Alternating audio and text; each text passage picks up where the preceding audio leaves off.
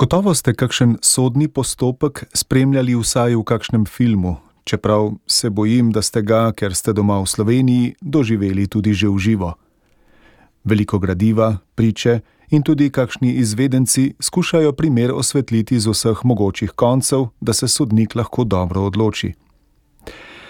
Zdaj pa ta postopek primerjajmo z našimi vsakodnevnimi sodbami, mimoidočih, sosedov, sodelavcev, sorodnikov, celo naših najbližjih. Mar nas ni življenje navadilo, da sodimo zgolj še po nalepkah in naslovih? Ne bo vam vzelo več kot 15 minut za potrditev ugotovitve, da niti polovica tistih, ki komentirajo spletne članke, le teh sploh ne prebere, ampak komentira zgolj njihov naslov. Natančno tako delujemo tudi v življenju nekomu prilepimo nalepko in že sedimo na sodnem stolu, čeprav nam je nekdo že pred 2000 leti rekel: naj ne sodimo, če nočemo, da bo nam sojeno. Še vedno se nasmehnem ob spominu na par, ki se je v našo sosesko preselil pred leti in je o njem, torej o možu, bilo rečeno, da je član Hare Krišna. Saj ne, da bi bilo s tem kaj narobe, ampak nalepka je bila za to vrstno raboto zelo primerna takšne pač ne moreš spregledati, in sodni stol se ponuja kar sam od sebe.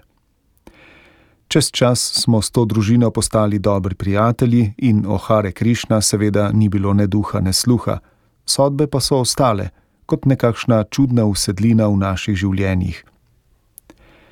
Sodbe vplivajo na naša življenja mnogo bolj, kot si morda mislimo. Vplivajo na to, s kom se družimo, kam potujemo in kaj izbiramo na policah v trgovini če dobro pomislimo, na dolgi rok vplivajo celo na naše vrednote. Ob zdajšnji situaciji v svetu še posebej radi izbiramo strani. Za ali proti cepljenju, za oziroma proti eutanaziji, za oziroma proti Rusiji ali Izraelu.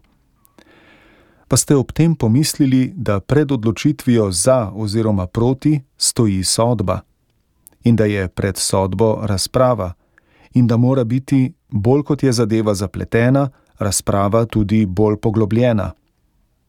Koliko ljudi ima čas in voljo prebrati, naprimer, članek večkrat nagrajene vojne dopisnice Marte Gelhorn, ki je leta 1961 objavila poglobljen prispevek z področja Gaze, kjer je obiskala obe sprti strani.